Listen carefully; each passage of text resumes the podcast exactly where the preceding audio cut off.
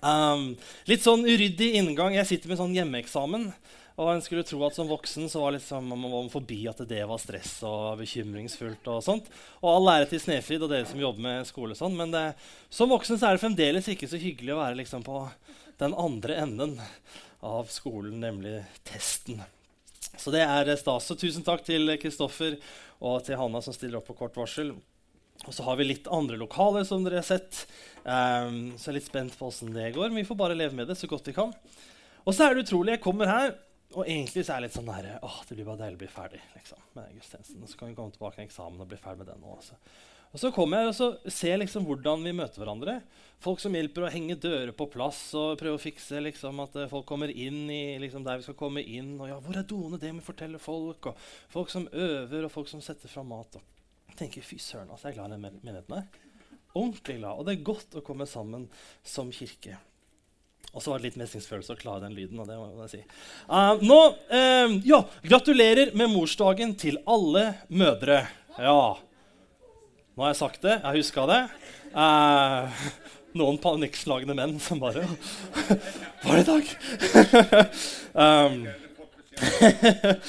uh, håper dere blir gjort stas på i dag. Jeg har fått lov til å utsette morsdag til neste helg.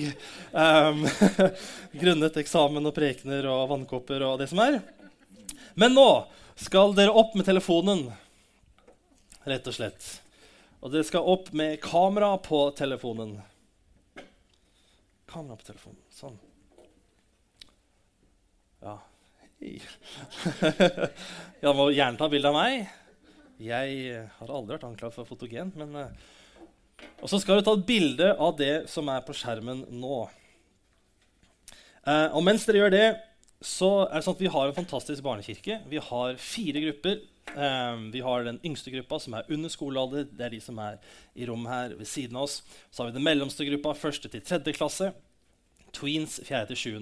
Og så hadde vi liksom hele min høyrefløy av si, kirkesalen til i dag. Ungdommene. Eh, ungdomsskolen de er nå en ganske stor gjeng. De er rundt 20-25 ungdommer sånn i omløp. Og de har noe som heter jongkrik, og noen ganger er det gymsalen i Herjer, og i dag er det Auland har et opplegg der.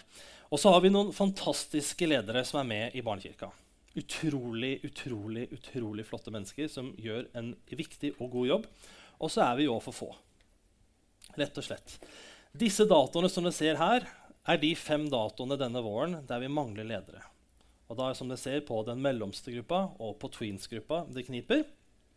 Um, og hvis du tenker at det å fortelle barn og unge om Jesus ikke bare dine, men våre Hånes misjonskirke sine barn om Jesus, så vil jeg veldig gjerne oppfordre deg til å melde deg til å ta en gang sammen med den mellomste gruppa eller tweens-gruppa.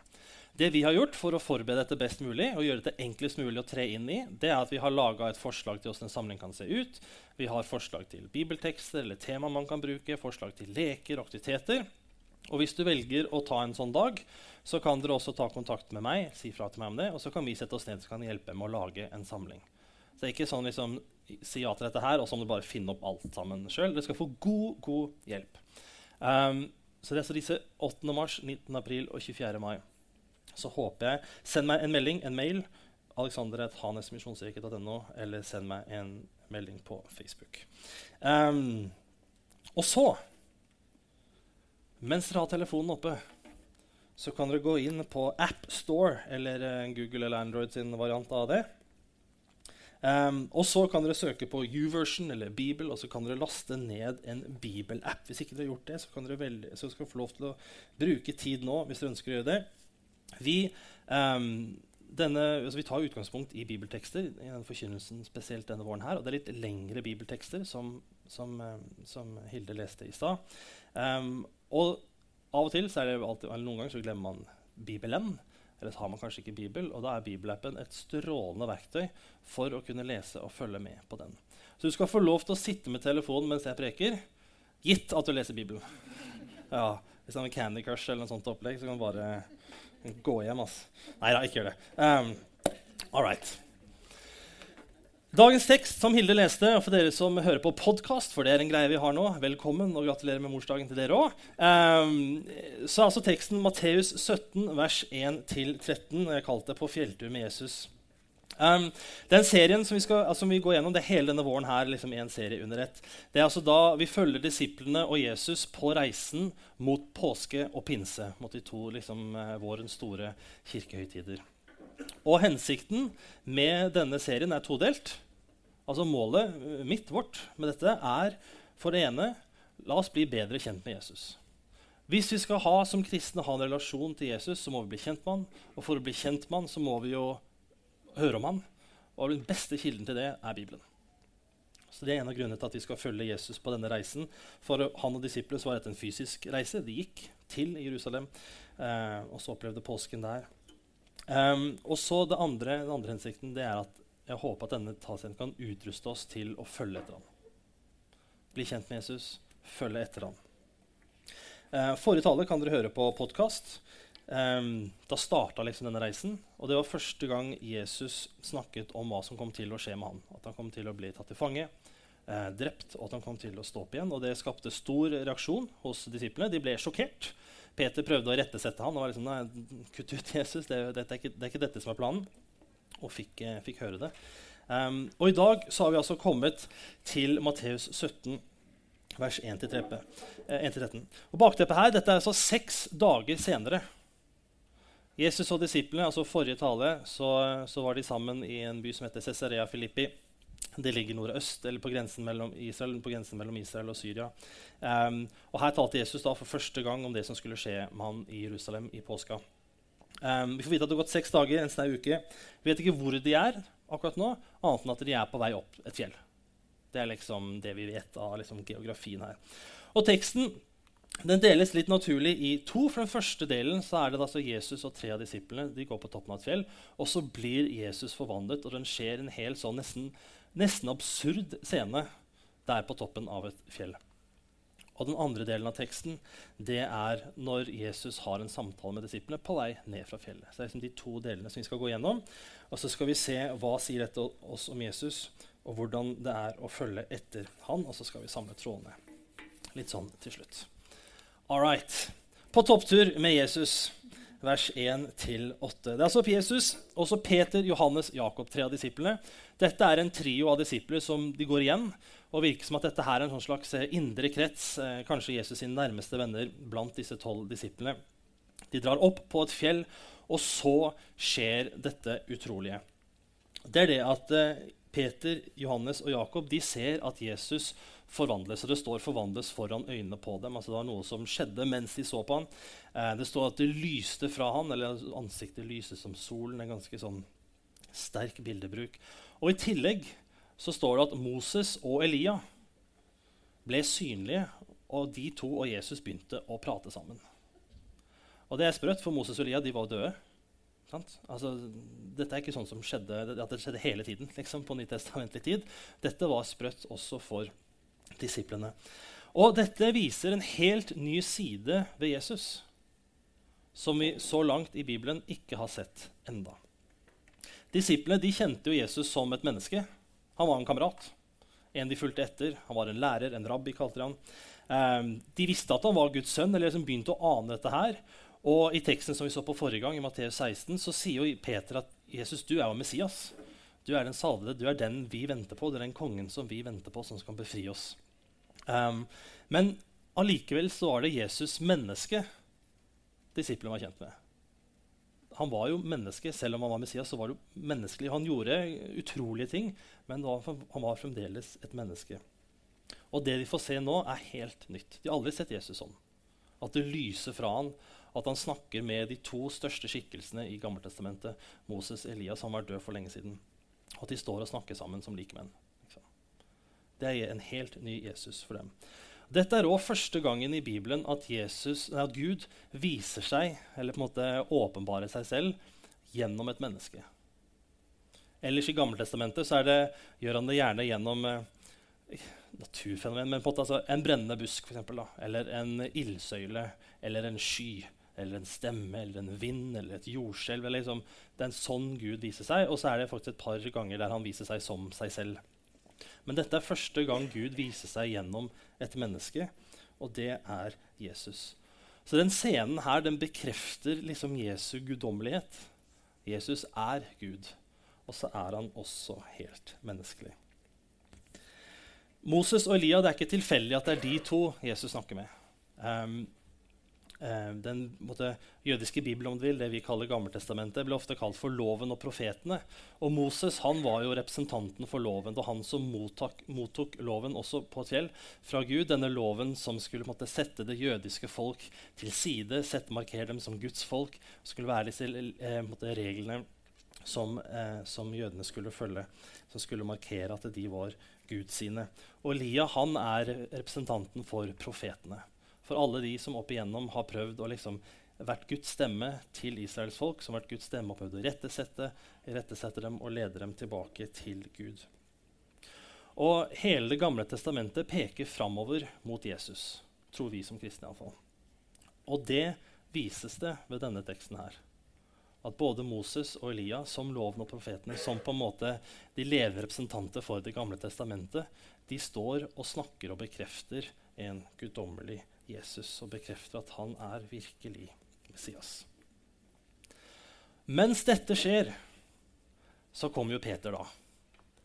Alltid gode, snille Peter. Hva holder du på med, Peter?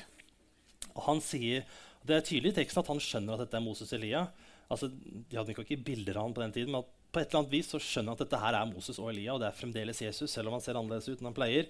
Men reaksjonen til Peter er 'I got this'. Liksom. Dette fikser jeg. Jeg vet hva vi skal gjøre. Liksom. Når to døde mennesker dukker opp, og kameraten din liksom ser ut som en sol, så bygger vi hytter.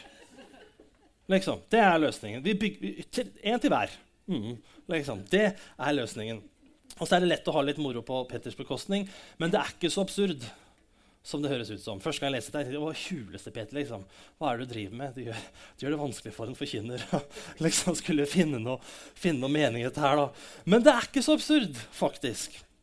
Peter han er jøde, var jøde. Og han venter på Messias. Og dette var da en, en, et menneske, en figur, en skikkelse, som jødene ventet på. Som de, tenkte, som de trodde skulle befri det jødiske folket. Altså På denne tiden her så er altså Israel okkupert av romerne. Eh, så de er på en måte et, eh, de er ikke slaver, men de er et okkupert folk, et okkupert land. Og tanken, eller på en måte forventningen til Messias var at Messias skulle komme og befri dem. altså faktisk befri dem fra denne okkupasjonsmakten, Og skulle liksom gjenreise Guds rike på jord. Det var forventningen til Messias. Og så er det sånn at eh, det er en profeti i Det gamle testamentet, i boken Zakaria. Og der står det at dette skal skje, altså når Messias kommer. Dette kommer til å skje under løvhyttefesten. Og løvhyttefesten den jeg måtte slå opp. Det er altså en jødisk høytid som varer omtrent seks dager, hvor jødene minnes befrielsen fra Egypt og vandringen i ørkenen. Og Grunnen til at det heter løvhyttefesten, er fordi at de altså også fram til, til og med i dag så bygger jødene altså løvhytter som de spiser i. Og de ortodokse de, er jo all in, så de sover i de også. For det er sånne hytter det jødene sov i og spiste i og levde i når de vandret i ørkenen. Og når Peter sier at 'jeg skal bygge hytter til deg, Jesus, og til deg, Elia, og til deg, Moses', så er det fordi han tror at nå er Messias kommet. Nå er det slutt, liksom. Det vi har ventet på så mange år, liksom. Nå er det her! This is it, liksom. Nå skal Messias gjenopprette Guds rike. Messias skal befri oss. Jødene skal få sin rette plass. Guds folk skal få sin rette plass. Dette blir bra, liksom. Dette blir ordentlig bra. Og så har han nok glemt det Jesus sa en uke i forveien. At han først skulle bli tatt i fange, at han skulle bli drept, at han skulle stå opp igjen. For mens Peter snakker om disse hyttene sine, så kommer det en sky skygger over dem, og så står det at Guds stemme sa, 'Dette er min sønn, den elskede. I ham har jeg min glede. Hør ham.' Og dette er de samme ordene som, blir, eh, som Gud sier når Jesus blir døpt. I begynnelsen av Matteus evangeliet kan vi lese om at Jesus blir døpt, og da kom det en due og en sky, og Guds stemme sa, 'Dette er min sønn, den elskede. I ham har jeg min glede.' Og så har Gud lagt til to ord her, og det er 'hør ham'.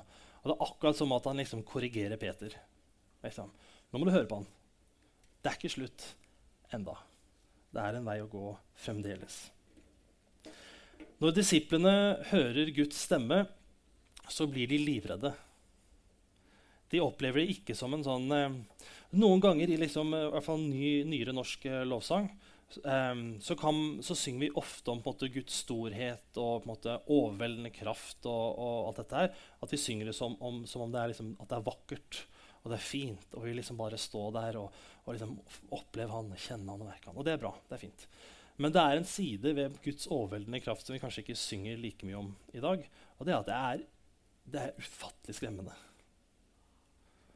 Og tenk å møte en allmektig skaper, da.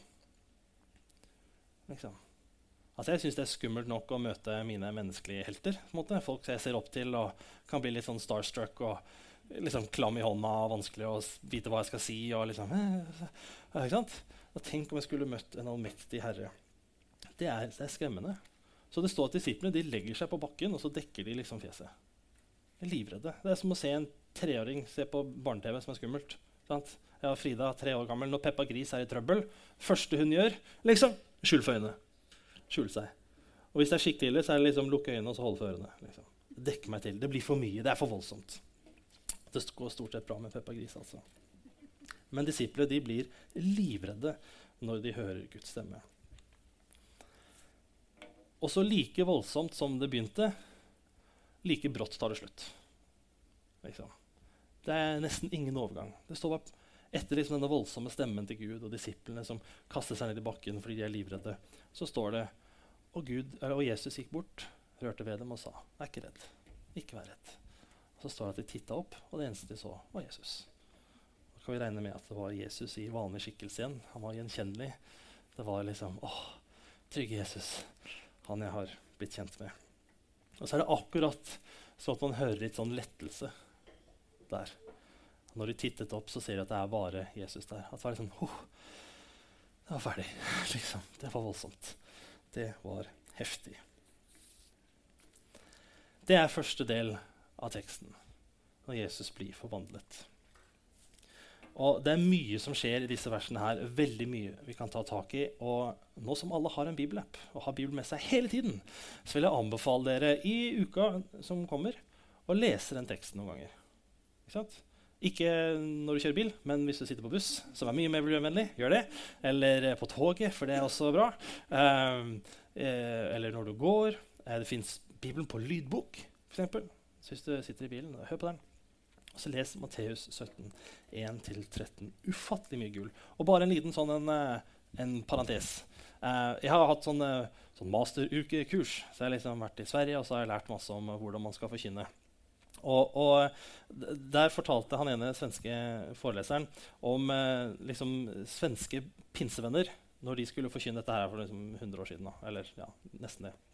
Og sa at dette var ulærde folk. Det var ikke teologer. i det hele tatt. Og De, skulle, liksom, de samla seg bokstavelig talt, og så leste de Bibelen og så spurte hverandre hva betyr dette her. Og så sier han der foreleseren at det utrolig er at det, det de kom fram til, disse her ulærde gutta da, Det var menn i dette tilfellet.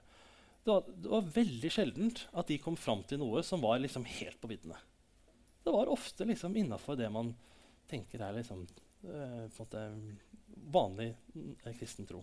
Så hvis du tenker at dette her er litt kronglete, og nei, jeg, liksom, jeg har ikke teologisk utdannelse, og, og sånt, så eh, ikke la deg lure av det. Les teksten, snakk med noen. Så kan det fort hende at det du kommer fram til, ikke er så verst. Men vi skal trekke ut spesielt én ting. Jeg har trukket ut spesielt vers 6. og Der står det da disiplene hørte det, altså Guds stemme, kastet de seg ned med ansiktet mot jorden, grepet av stor frykt. Uh, og grunnen til at jeg har trukket ut dette er for at jeg tror dette sier noe om Jesus som vi noen ganger overser, og som vi kanskje også egentlig har lyst til å holde litt på avstand. For at Jesus er ikke bare menneske, han er også Gud. Og det kan være skremmende. Mennesket Jesus er det lett å like. Mennesker som ikke liker Jesus, liker mennesket Jesus. De kan mene at alt det han sa om Gud og, og liksom det overnaturlige, det, det, var helt feil. Men fyren var jo strålende. Altså, han, han, var, var kjernekar, han var inspirerende og imponerende. Han var, hadde liksom med sin radikale omsorg for mennesker som ingen brydde seg om, sin åpenhet, sin inkludering, hans integritet? Det er jo en verdslig måte å si at han var syndfri på. Um, hans kamp for rettferdighet for de som ikke hadde noe rettsvern. Hans motstand mot maktstrukturer som undertrykte mennesker. Liksom. Fantastisk fyr.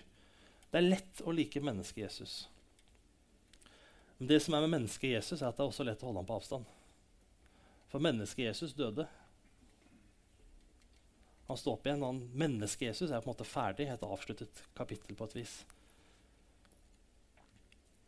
Men at Jesus er allmektig Gud, og all den autoriteten det fører med seg, at han skal møte meg, at han skal liksom snakke til meg, at han skal se tvers igjennom meg, at han skal alltid være med meg, også når jeg kanskje ikke gjør ting jeg er så fryktelig stolt av. Det kan være skummelt, rett og slett. Og så trenger vi å holde begge disse sidene med Jesus sammen. Menneske, Jesus er menneske, og Jesus er Gud.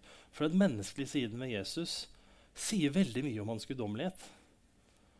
For mennesker som Gud han, Det er ikke bare at han vet hvordan vi har det fordi han har studert oss. liksom. At han har liksom sett på oss som mus i et laboratorium. og liksom, ja, når, når, de gjør sånn, så skjer det og det og det. og så opplever det på den, den måten. Men han vet åssen det er å være oss fordi han har vært oss. Og hans guddommelighet sier mye om hans menneskelighet. Fordi at når en dag han kommer tilbake, og ny himmel og ny jord skal skapes, så er det sånn som Jesus var, vi også skal bli. Syndfrie, fulle av kjærlighet og nåde. For det andre så er den, den frykten vi kan kjenne på av og til.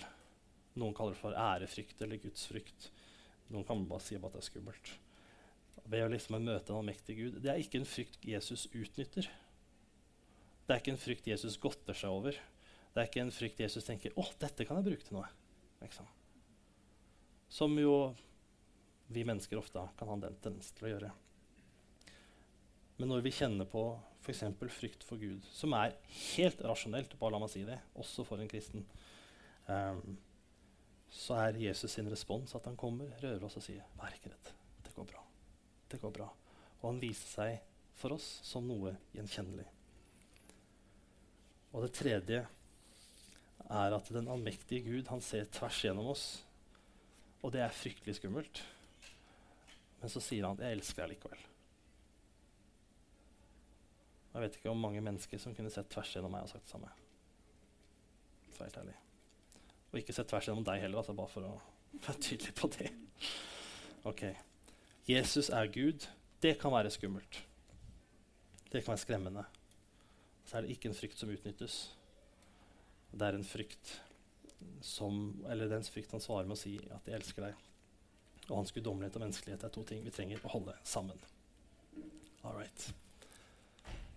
Del to av denne teksten det er samtalen på vei ned fra fjellet. Og um, Det første som skjer, er at Jesus sier dere må ikke fortelle noen om det som dere har sett. For meg så virker det litt sånn waste.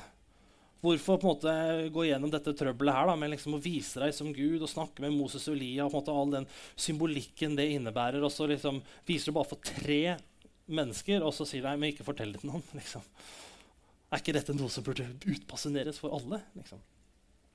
Og så er nok det enkle svaret er nok at det er ikke over enda til Jesus.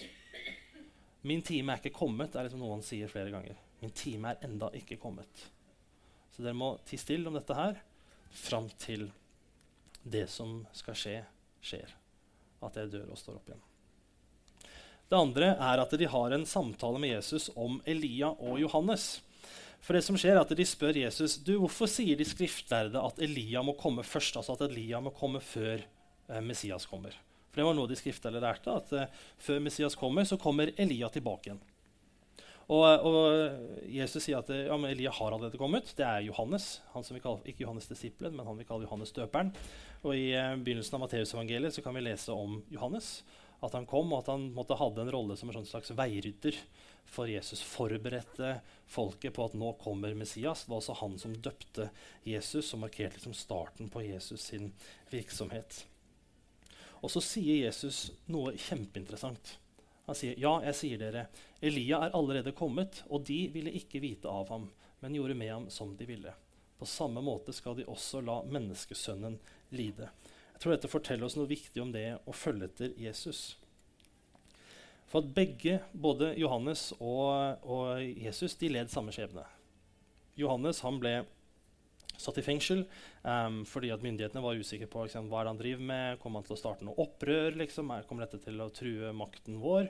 Så satt han i fengsel, og så er det en lang historie der med en konge som så en jente som han syntes var fin, som dansa og sa du kan få hva du vil. Og moren til jenta sa ja, men jeg vil ha liksom, Johannes sitt hode på et fat. Og så sa kongen ja, ja, jeg får vel holde ord, da, og, og dreper Johannes.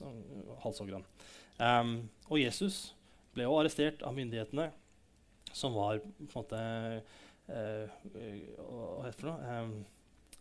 som på en måte de religiøse lederne på den tiden eh, de hadde påvirket myndighetene til å arrestere ham. Og han ble òg korsfestet og drept. Um, og når, jeg tror det gjelder å følge Jesus, så betyr det å gå den veien som Jesus gikk. Og det er en vei, ikke bare en fysisk vei, men det er en vei av kjærlighet til vår neste. Også når vår neste viser seg å være vår fiende. Det er å være en tjener. Det er å kjempe for rettferdighet, det er å hjelpe de syke, og det er å stå med de som er utenfor. Det er å utfordre usunne maktstrukturer, det er å forkynne evangeliet i ord og gjerning. Akkurat som Jesus gjorde. Det kalles også vi til. Også når det går på tvers av det myndighetene og religiøse ledere som ønsker seg makt og status, også når det går på tvers av det de måtte mene. Um, rett før jul så ble tidligere biskop Gunnar Stålseth eh, dømt til 45 dagers betinget fengsel og en bot på 10 000 kroner. Og Grunnen til det var at han hadde gitt en ureturnerbar asylsøker jobb i 14 år. Eh, noe han innrømte og for så vidt var tydelig på at han ikke angra på heller. Um, det er sånn, at, uh, sånn utlendingsloven fungerer, så er det sånn at Hvis du søker om asyl og så får du avslag på den søknaden, så har du ikke rett til å oppholde deg eller jobbe i Norge. Uh, men så i noen tilfeller så er det sånn at uh, man kan heller ikke sende dem tilbake dit de kom fra. Enten fordi man ikke vet hvor de kom fra, eller fordi det ikke lenger er trygt nok å sende dem dit. For det er en annen lov som sier at man skal ikke returnere asylsøkere dit de kom fra hvis det blir fare for deres liv. Så det er noen mennesker som havner i en skvis. De får ikke lov til å være her, og de får ikke dra. Og mens de er her, så har de ingen rettigheter. Og biskop Gunnar Stålseth han mente at som kristen så hadde han her et ansvar når det gjaldt medmenneskelighet og kjærlighet overfor denne kvinnen, da, Lula Tekle heter hun, eh, som veide tyngre enn å følge norsk lov. Så han ga henne jobb og verdighet og, det som følger med det, eh, og ble tatt og dømt. Og I etterkant av dom, når dommen ble avsagt, så sa biskop Stålseth dette.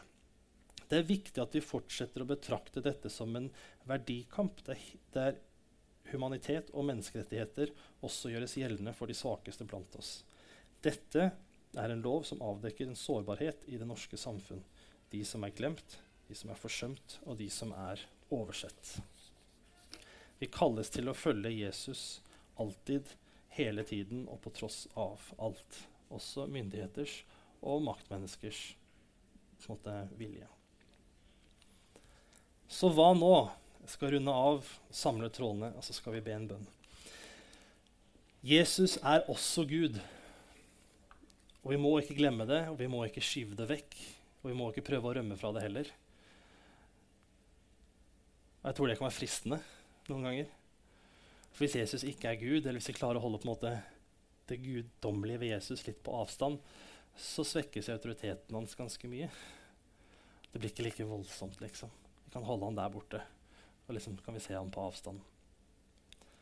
Men Jesus er Gud, og dette må vi holde sammen med at han også er menneske. Og selv om det er skremmende, selv om det kan være voldsomt, så er det ikke noe som utnyttes. Det kan vi være trygge på. Og jeg tror det er nødvendig når vi skal følge etter Jesus, at vi òg er klar over at han er Gud. Vi kalles også til å følge Jesus i alt, alltid og tross alt det er, det er ganske mye. det er heftig. Og heldigvis jeg tenker Da er det godt Gud er også, nei, at Jesus også er Gud. For heldigvis så har Jesus vist oss veien. Han viser oss hvordan vi skal gjøre dette her. Dette er ikke en sånn kjempestor hemmelighet som man liksom bruker årtier på å liksom oppdage og låse opp og liksom pakke ut. Men Jesus har vist oss hva dette vil si. Og han har også vist oss større enn de hindringene som vi møter på veien i etterfølgelse av han. Og det betyr på ingen måte at uh, en sånn etterfølgelse av Jesus vil foregå smertefritt. Noen forkynner det, og jeg vil bare si at det er feil. Altså, klart og tydelig. at Jesus er større enn hindringene vi møter på veien i etterfølgelse av han, betyr ikke at når vi følger etter Jesus, så forsvinner de hindringene. Nei, da blir vi ikke syke. Eller da får vi ikke økonomiske utfordringer. Eller um, da, da, går alt liksom, sånn som vi skulle ønske at det går. Det er ikke det betyr i det hele tatt. Men det betyr at når vi møter disse utfordringene, når vi ut, møter det vonde, det urettferdige, det ubehagelige og det smertefulle, så står Jesus sammen med oss. Og så betyr det også at når den dagen Peter trodde kom, når den kommer, så betyr det at altså når en ny himmel og en ny jord skapes, så betyr det at når vi da kikker litt opp, så er det ikke lenger ondskap der. Og det er ikke lenger død, og det er ikke lenger noe synd, det er ikke lenger noe vondt, men det er bare Jesus. Da skal vi avslutte med en bønn, og så skal vi synge en siste sang sammen med Kristoffer og Hanna. Kjære Jesus. Tusen takk for at vi kan få bli kjent med deg gjennom ditt ord.